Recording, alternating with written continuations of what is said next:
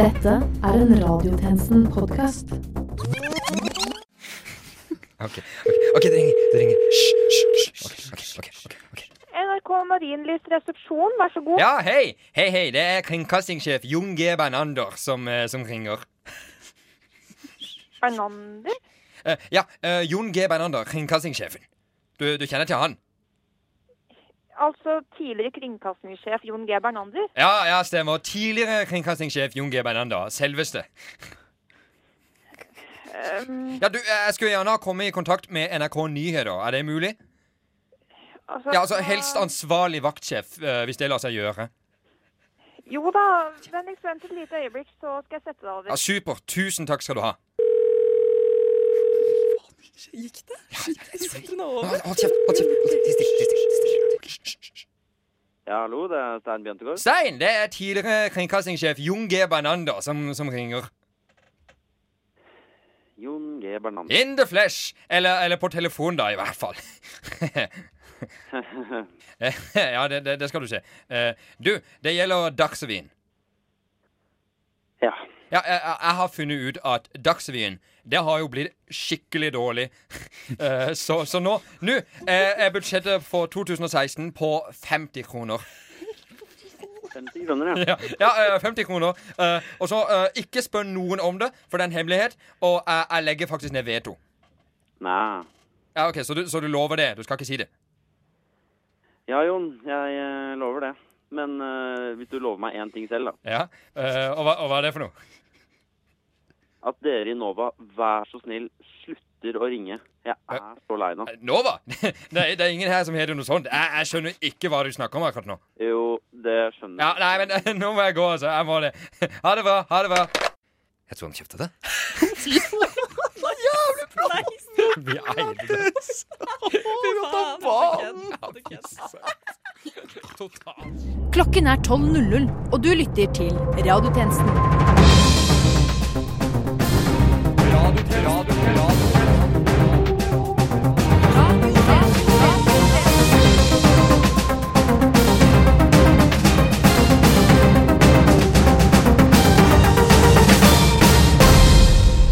Velkommen til ukens radiotjenesten. Dette har vi å melde. Fremskrittspartiets forslag om å skyte flyktninger inn i sola med katapult har blitt nedstemt av Stortinget. Altså, først er det dumt å hjelpe dem der de er. Og nå er ikke dette ok heller. Tine Sundtoft var på kino og så storfilmen Bølgen forrige helg. For å sikre at noe sånt aldri kan skje på ordentlig, flytter hun nå iskanten enda lenger opp. Og vi har intervjuet krimforfatter Hans Olav Lahlum. Uh, nei, jeg hadde faktisk ikke tid.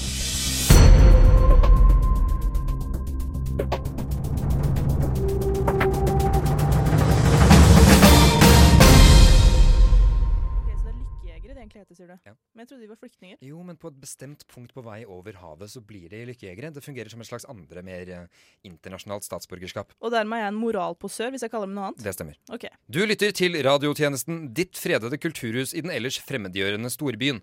I dag, fredag den 5. september, spør vi oss Kan man egentlig bli for nyansert? Absolutt ingen anelse. Men det kommer vi til å finne ut sammen i løpet av de 30 neste minuttene. Mitt navn er Christian Nærum. Med meg i studio har jeg Benedikte Austad. Og med meg i studio har jeg kosekaninen Lasse, som det er min tur til å ta med hjem denne helgen. Veldig søt kanin. Denne uken starter med et sosialliberalt brak. Det finnes nemlig fremdeles mennesker som planlegger å stemme Venstre dette kommunevalget. Blant annet en mann som står foran Stortinget med en tjenestemann akkurat nå. Vi går til dem. God timing, studio. Jeg står her med Arne Ulven, som har planer om å stemme Venstre i dette kommunevalget. Og Arne, Ja. du ønsker altså å gi din stemme til Norges sosialliberale parti denne høsten. Ja. Hvorfor det? Eh, Det er fordi jeg er mest sannsynlig får en retweet hvis jeg twitrer det på Twitter etterpå. Eh, En retweet eh, på det sosiale mediet Twitter? Ja, de er spesielt gode på det. Men hva med de andre sakene Venstre står i spissen for? De er vel og bra, de, men Venstre er liksom ikke like drevne på å få gjennom de greiene som de er på å nå sine folk på sosiale medier. Nemlig. Så hvordan tenker du at din tweet om å stemme Venstre skal være? Eh, Ja, jeg skal bare finne fram mobilen. OK. Har nettopp stemt Venstre i min kommune for en liberal politikk og et grønnere Norge. Smile-emoji, hjerte-emoji, smooth-ass-emoji. Smooth ass-emoji? Ja, en sånn hånd som gjør helmaks-Egon-tegnet. Det må det jo gå for, sant? Ja, det finner vi sannsynligvis ut 14.9., med mindre du forhåndsstemmer. Takk til deg, Arne Ulven. Den femte statsmakt. Radiotjenesten. Velkommen tilbake til studio. I forbindelse med det kommende kommunevalget har debatten om Oslomarka vært het som bare det. Med oss i studio har vi i den forbindelse fått hele foreningen for de som vil at marka skal være der. Og jeg forstår det slik at dere ønsker å bevare Oslomarka? Nei, nå blander du oss med Foreningen for de som vil bevare marka. Vi er Foreningen for de som vil at marka skal være der.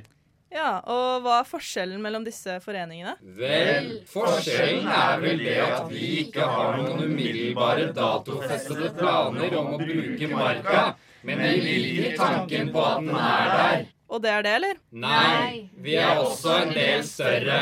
Så dere har ikke noen planer om å bruke Oslomarka? Jo, det er nettopp det vi har. Men våre planer er vage. Vi vil ikke ta den soppturen nå til helgen, f.eks. Vi vil ta den en gang til høsten, kanskje. Skjønner du?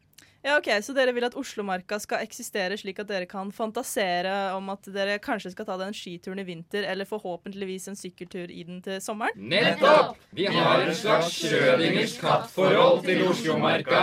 Så lenge den eksisterer, kan det kanskje hende, eller kanskje aldri hende, at vi bruker den. Og dermed, i fremtiden, både bruker vi den og bruker den ikke på en og samme gang. Og da, min venn, er det essensielt at marka er der.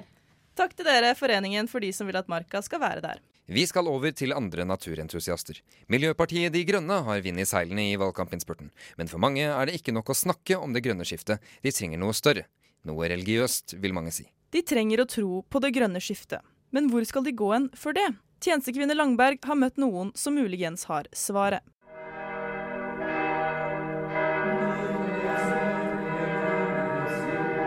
Tilgi meg, fader, for jeg har syndet.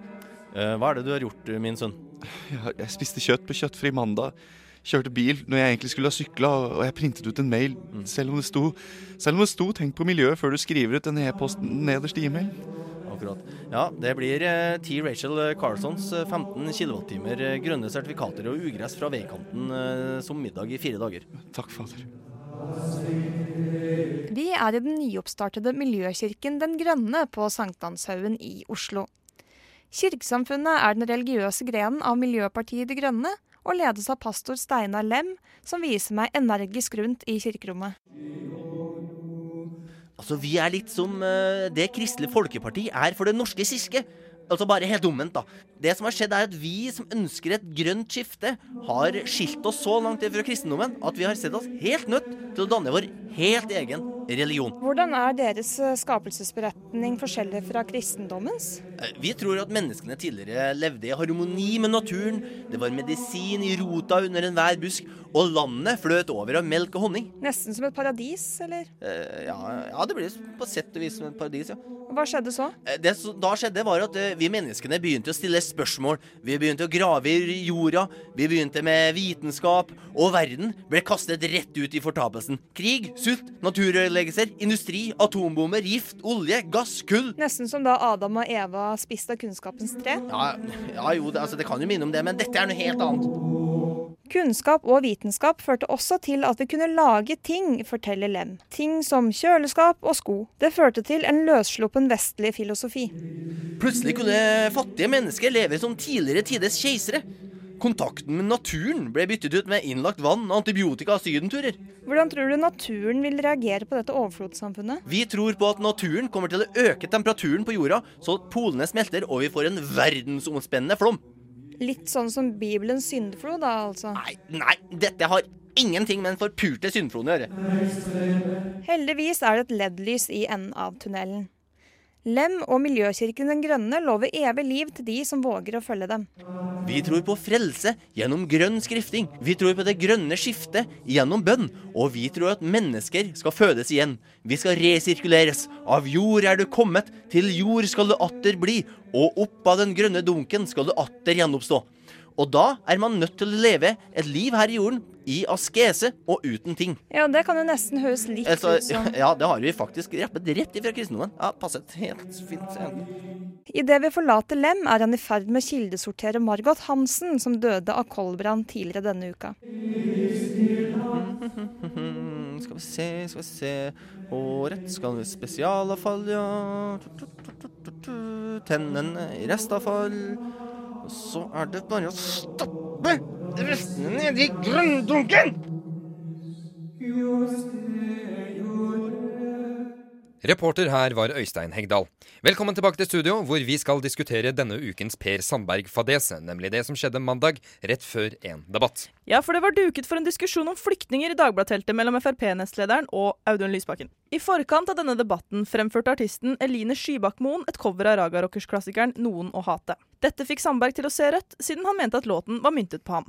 I en senere kommentar sa Per Sandberg at mediedekningen var en heksejakt på magiske kråker. Ops, sa jeg det høyt, tilføyet han etterpå, før han fløy av gårde i Frp-formasjon.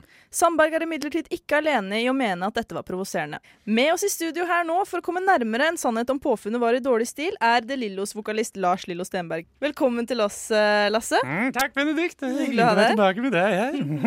Ja, ok, jeg tenker det er nok. Uh, Stenberg, sist gang du var hos oss, så så du jo egentlig ikke ut til å bry deg nevneverdig om ting som skjer i verken norsk eller internasjonal offentlighet. Hva er det egentlig akkurat med denne saken?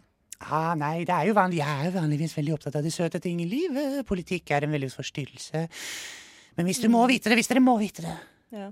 Nei, dere vil ikke vite det. Jeg tror. Eh, jo, Mm, Lars. Lillo Stenberg, det er vel egentlig akkurat derfor vi har invitert deg hit. Er det det? Det er, det er, altså, det er veldig mye å sette pris ved både deg Og og, for din at det er musikk. hyggelig å se deg. Ja. Ja, spesielt jeg, unge damen. Ja, ja, Men ja. vil dere virkelig vite det? Ja, jeg vil virkelig. Vil du virkelig vite det? Da Jeg- må du svare på De gåter tre. Må jeg det? Ja, nei, jeg har, jeg har en, men den er ganske dårlig, egentlig. Så, nei, vi, vi dropper vi, vi dropper til gåte tre. Uh, Vi, vi kan kan invitere deg tilbake en annen gang. Ja, vi snakker om gåter en annen dag.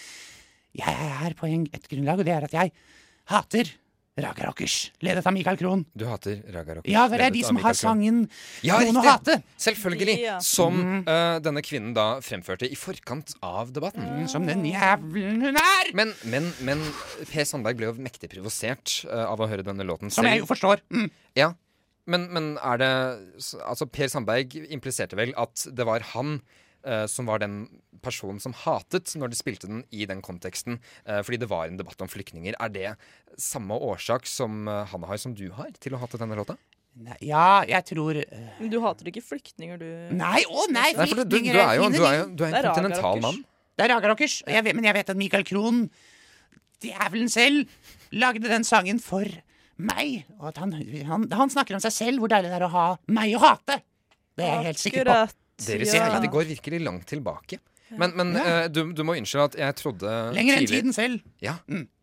Men jeg, jeg trodde vel egentlig det handlet om at du hatet ham. Jeg har aldri fått noe inntrykk av at dere to sammen har en slags gjensidig La oss kalle det en beef. Vi har alltid vært, det har alltid vært der, og vi har aldri klart å, å jobbe gjennom det. Jeg klarer ikke så ah! Ok, ok, Ok. takk. Men kjenner er sånn la- vi, vi, kan, vi kan snakke om noe annet. Det går, det går helt fint. Vi, Ja, et glass vin hvis du har det. vi har ikke vin i studio. Lars Lillo Stenberg, for å være helt ærlig, så hadde Jeg vi håpet på at du skulle ta med. her, Benedikte. Hvorfor er det ikke vin i studio? Vi kan godt snakke om noe annet, Lars Lillo Stenberg, hvis du skulle føle for det. Uh, hvordan er det ellers med politikken? Følger du med? Jeg følger jo med, men eh, det går jo mest i eh, Jeg liker å uttrykke meg, da. Ja. Jeg liker å følge litt med, jeg liker å uttrykke meg. Så jeg har jo Jeg lager litt sanger. Har du lyst til å oh, ja, i, høre en sang? en sang i anledning valget? Gjerne det høres ut som en ganske god måte å runde dette av på. Ja, absolutt. Jeg kan finne den fram. Jeg har skrevet en Veldig en fin sang. mobil. Veldig fint deksel av De Lillos. Bare at du, Ja, tusen takk. Det, gli, det er de, glins. ja, de andre bandmedlemmenes ansikter ser ut til å ha blitt krysset ut. Ja, Så er det sånn ditt Oi, veldig, ja, det veldig stort. Ja, jeg tror jeg til og med Har du, har du ikke lagt merke til det før nå? Nei, eller jeg- Ja, jeg har sett, har sett, sett mitt ansikt, da, som er her, men jeg Ja, har ikke sett det det, det er mangler digert. faktisk en, til og med. Du har, liksom- du har Deksel er jo større enn mobilen. Eh, hvordan du kan få Du kan uh, mase på hun damen på glitter som heter eh, Constance. Med A. Eh, og, eh, og du kan Hvis du maser på henne nok og, og plager henne, så lager hun det til deg. Tror oh, jeg. ja. Hun gjør det for meg, i hvert fall. Ok, la oss høre sangen. ja, den heter Penge-Jens. Mm. Okay. Penge-Jens. Penge-Jens som Pengelens, Nærum. Men bare Men- med Jens. Bare med Jens. Ja, mm. greit. Kapitalens terning triller. Jeg har kjemperunde briller. Maos røde og Ernas blå. Stoltenberg er borte nå! Og det var egentlig det jeg hadde. Det, var- det var alt, det? Tusen takk, Benedikte. Vi kan synge mer av den for deg etterpå hvis du vil. Ok, men da har vi hørt uh, sangen. Jeg tror vi skal ta en pause fra dette. Takk til deg, Lars Lillo Sender. Takk til dere. Radiotjenesten FM 99,3. Radiotjenesten presenterer for øvrig liste over andre låter det er et overgrep å spille i forkant av en flyktningsdebatt med Per Sandberg. Splitter pine av DumDum Boys, Jeg er redd av Jokke og Valentinerne, Offerdans av Honningbarna, Romantikken gir meg sjuk av Stein Torleif Bjella, The Immigrant Song av Led Zeppelin, Ro, ro, ro din båt, du skal ikke trø i graset, Dyrene i Afrika, Sjørøverne kommer, Visen og Neslehoa, Tyven, tyven, ro, ro til fiskeskjær, Hvem kan segla foruten vind, You've lost that love and feeling av The Righteous Brothers, Ricky Don't Lose That Number av Steely Dan, When Do I Get To Sing My Way av Sparks, Brown Sugar av The Rolling Stones, Surrender av Cheap Trick, Money for Nothing av Dire Straits. Sannheten bak sannheten. Radiotjenesten FM 99,3. En annen het potet som kan få en hvilken som helst politiker til å styrte ut av et web-TV-telt, er eiendomsskatten. For å ta opp dette går vi nå direkte til en reporter med sennep i ansiktet. Takk for det, studio. Jeg står her på Jungstorget med en Høyre-politiker og en Arbeiderparti-politiker. Hyggelig å ha dere her. Eh, jo, takk. Du vet at du har en I dag skal det handle om eiendomsskatt, hvor Høyre og Arbeiderpartiet har vært i stor strid. Ikke bare om skatten i seg selv, men også hvordan man utregner den. Dere mener eiendomsskatten må vurderes ut ifra markedsverdi? Ja, Det skal jeg svare på, men kan jeg bare først si at du har noe Men blir ikke det et feilaktig grunnlag for å kalkulere summen på eiendomsskatt? ja, men Kan jeg bare først si at du har sennep i ansiktet? Som gir et uriktig bilde av hvordan og hvor mye den kommer til å affektere? Uh, Jeg må bare si at Ja, eh, Ap-politiker, du vil bryte inn her? Ja, altså, han har jo egentlig helt rett. For dere Du- mener at eiendomsskatten må være basert på ligningsverdien? Jeg mener, altså ikke bare på kinn og rundt Men har dere munnen, tenkt på at- Men liksom panna, haka og i øyet fremdeles. Eh, Det må gjøre utrolig vondt å blunke. Men skjønner samtidig, i så fall er dere jo nødt til å basere dere på tall som ikke forholder seg til den økningen i boligprisen som har skjedd på to års tid. Hva har du å si til det? Kan jeg si noe her? Ja, Høyre-politiker. Altså, Har du prøvd å tørke det bort? For det, for det ser sånn ut at du har gjort det, men det har på en måte bare gjort alt mye verre. Men hvordan stiller du deg til det faktum at Høyre i Bergen, i tillegg til flere andre borgerlige styrte kommuner, allerede har innført eiendomsskatt? Har dere et annet synspunkt? Uh, Ja, spør han om det, du. Jeg må stikke, jeg har en dusj jeg må ta, så Ja, jeg må gå, jeg også. Jeg har 16 indignerte fugler som venter på pappa hjemme. Er det, er, er det et fuglehus? Har du tenkt på at eiendomsskatten kan ramme Åh, jeg kunne liksom lukte det helt hit. Ja, det var veldig, veldig grusomt. Vi har nettopp fått inn en melding om at noen av Norges mest innflytelsesrike politiske miljøer på sosiale medier møtes til debatt. Vi anbefaler derfor alle å følge med på Nyhetsfredag her på Radio Nova neste uke, hvor Facebook Høyre bl.a. møter Twitter SV, Popit Venstre, Insta Ap og Snapchat Pensjonistpartiet til debatt. Men vi må tilbake. Nei, det er vel egentlig videre vi må. Ja, du har rett. Vi må, vi må videre. Glemte du nyhetsprogrammets lineære tidsoppfattelse der et lite øyeblikk? Vi skal videre. I 2015 er det 70 år siden frigjøringen av konsentrasjonsleiren Auschwitz-Birkenau, og turister fra hele verden reiser til Polen for å oppleve, lukte og føle det historiske stedet. Samtidig er det høye temperaturer i Europa. Derfor har det satt opp noen dusjanlegg utenfor Auschwitz porter, hvor gjestene kan kjøle seg ned. Men i stedet for å kjøle de besøkende, setter disse dusjene sinnene i kok. Vår tjenestekvinne Langberg reiste til Polen for å se om det finnes flere metoder som benyttes for å øke konsentrasjonsleirenes komfort. Jeg, jeg, er sjokkert. Det var som et slag i magen. Jeg gikk i resepsjonen og spurte en ansatt om disse dusjene. Hun svarte meg at det var en varm dag. Da svarte jeg med all respekt så minner dette om gasskamrene. Sier den israelske turisten Meyer Bolka til radiotjenesten når jeg sniker mikrofon over skulderen til Dagbladet og stjeler et sitat. De besøkende i konsentrasjonsleira er rasende etter at de nye dusjene er satt opp ved publikumsinngangen. Jeg møter kvinnen i resepsjonen som stilte seg totalt uforstående til hva Bolka opplevde i køa, og smiler blidt til meg når jeg kommer inn døra. Heil på deg! Hva kan jeg hjelpe deg med? Irina Aleksandra Irinavits jobber som guide for norske turister i Polen. Hun er også HMS-ansvarlig på huset. Hun er blid og serviceinnstilt når hun kler av meg alle klærne og henger meg opp ned midt i resepsjonen for å se hvor lenge jeg kan henge før hodet mitt eksploderer av blod. For oss er det viktig å møte de besøkendes behov og forhindre at noen blir syke eller skadet. Vi tar sikkerhet og helse på alvor. Irina slipper meg ned i betonggulvet med et brak og sier at vi skal gå oss en tur. Jeg spør Irina om hun kan legge bagasjen min på bakrommet. Her hos oss oppfordrer vi de besøkende til å ta bagasjen selv, slik at vi unngår at personlige eiendeler forsvinner og blir liggende i en stor haug sammen med resten av det vi har her etter tidligere besøkende. Trikset er å slepe den etter seg, slik at man ikke blir utsatt for tyveri. Irina og jeg går i en åttetallsformet sti mens jeg sleper bagen etter meg. Det er nesten så jeg ikke hører hva hun sier, fordi magen min rumler høyt av sult. Det at folk mener at våre metoder er for brutale og for refererende til det som har skjedd her, er vi rett og slett ikke enig i. Alt her er nøye planlagt og tilrettelagt for at publikum skal dra herfra med et godt minne og god helse, både fysisk og psykisk. Og jo, forresten, denne dagen vil vare i ca. tolv timer, så jeg håper du har spist før du kom hit.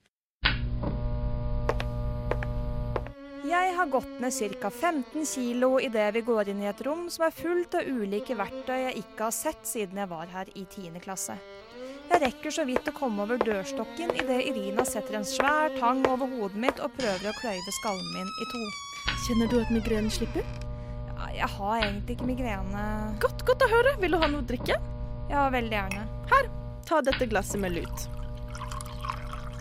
Jeg brenner opp på innsida og kjenner verken sult, smerte, sorg eller glede når Irina river av neglene mine med hest og vogn og kaller det for manikyr. Jeg begynner å se dobbelt, og Irina henter fram et gammelt ryggskinn fra 1940 som hun dasker meg over ansiktet med. Nå, nå, må du våkne. Føler du deg ikke helt frisk? For oss er det veldig viktig at gjestene har det bra. Har du det bra nå? Jeg har det veldig, veldig fint. Du ser litt bleik ut. Nå setter jeg litt av sprøyte på deg her, sånn at du får hvilt litt. Du vil våkne gjennom et par timers tid. Idet jeg våkner, er jeg blitt forvandlet til en lampeskjerm som står pent på resepsjonsbordet. Inn døra kommer to rasende publikummere, og Irina tømmer kloroform på to kluter og løper dem i møte og holder dem foran nesen til de synker sammen på gulvet. Hun sier Sånn, ja. Slapp helt av. Dette går bra. Takk for at dere ville ta turen. Og gir meg og lampefoten min tommelen opp.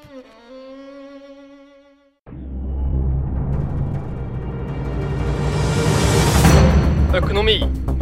Politikk. Krig. Fred. Sånn.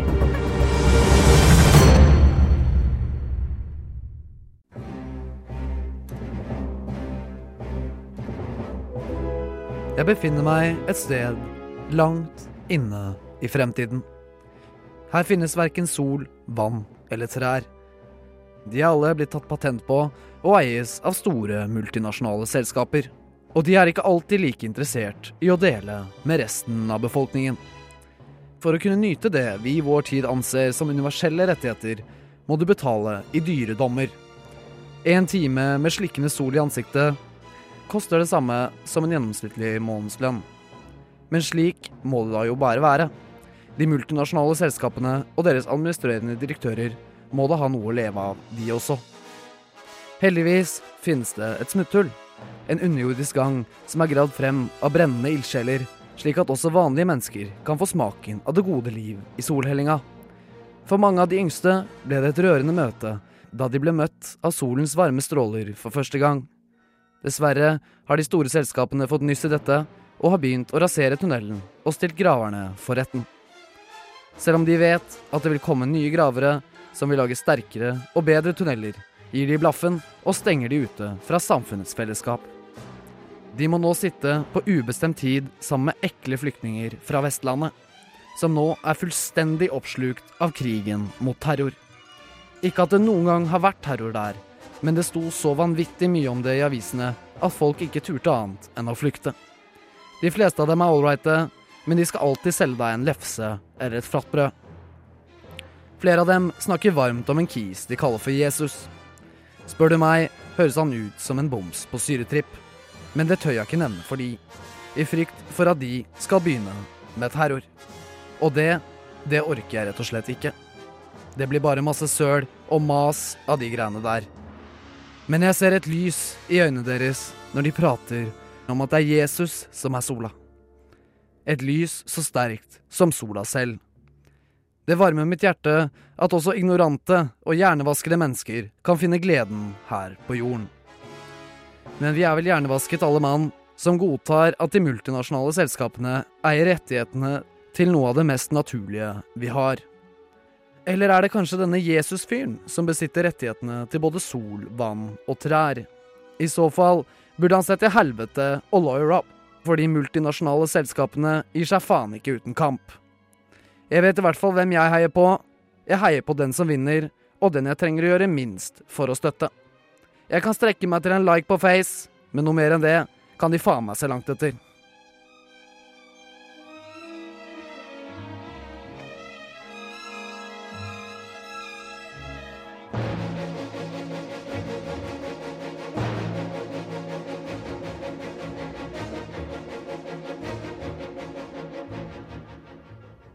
Tidsreisende reporter her var Kristoffer Kroge. Vi skal over til noe litt nærmere. I et Norge i stadig utvikling er det noen som føler at den norske kulturen blir truet av innvandrere. Finske Timo ønsker også å være en av disse. Man hører folk eh, snakke om pakistanere, somaliere og polakker som eh, sånne som liksom skal ødelegge for norsk kultur. Men, eh, men hva med finnene? Vi har en rik og tydelig kulturarv som er i like stor grad i stand til å ødelegge det norske samfunn som indere, pakistanere eller svensker for den saks skyld. Men du høres jo ikke spesielt finsk ut. Det er jo det som er problemet. Jeg har vært her i tre måneder, og nå snakker jeg dessverre perfekt norsk. Jeg har glemt helt hvordan jeg snakker finsk. Noe må gjøres for å stoppe denne utviklingen. Vi befinner oss utenfor Gamle Rådhus restaurant i Oslo. Et spiseri som har hatt restaurantdrift i over 150 år. Men ikke lenger. Timo har nemlig revet restauranten og bygget en sauna her i et forsøk på å provosere nordmenn. Håpet er jo at en sauna, som er det erketypiske finske, skal få folks øyne opp for denne finske trusselen. Og dessuten er det jo veldig varmt der inne. Fryktelig varmt. Vi snakket med noen av menneskene til stede på åpningen av Timos sauna. Helt fantastisk tiltak. Det finnes ikke noe mer norsk enn en skikkelig badstue. Herlig! Fikk meg rett og slett i hyttestemning. Kjempevarmt! Men Timo nekter å la dette enorme nederlaget knekke ham. To dager senere møter vi ham idet han forsøker å sabotere flere store norske fjorder. Eh, tanken er å tette dem igjen. Eh, jeg starter her med Mjøsa, så jobber jeg meg på en måte innover i landet, og så nedover igjen. Ja, og du har, og du har tenkt å bruke den spaden der? Ja. Ja, Den spaden som strengt tatt ser ut som en barnespade, og som ser ut til å være knekt nede ved skaftet, og som du nå nettopp kastet i Mjøsa i raseri av de tingene jeg nettopp påpekte? Eh, er, det, er det den Svarte i faen i hel...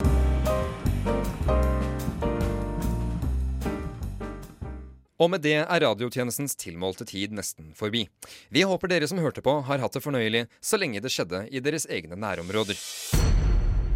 Men før vi avslutter, skal vi til en reporter som nettopp har sett Inception for første gang. Reporter?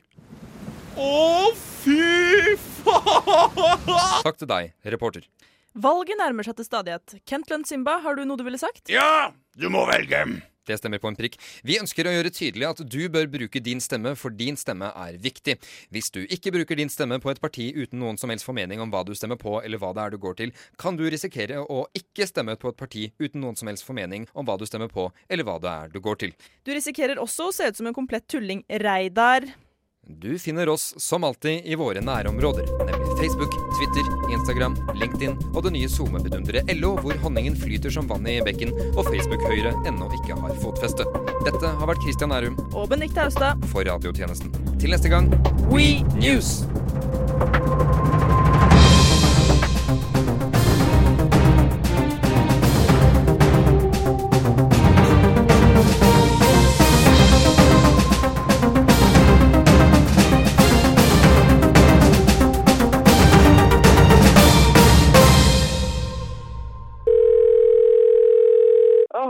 Han reporteren fra i sted. Jeg fikk jo ikke engang sagt hvorfor Inception er så sykt mindfuck bra film.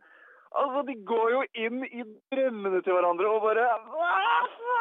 Og så bare Han ene liksom sovner der og bare «Å, Jeg klarer ikke å vekke han, og ingenting er virkelig og sånn. Altså, Radiotjenesten, dere må se det der. Kristian Værum, Benedicte Austad, Andreas Weier Osvold, Øystein Hegdal, Heidi Langberg, Kristoffer Kroge og hele Gannestad. Dere har ingen unnskyldninger. Det er så sykt Fuck, han bra film! Ah, ha det bra! Shit!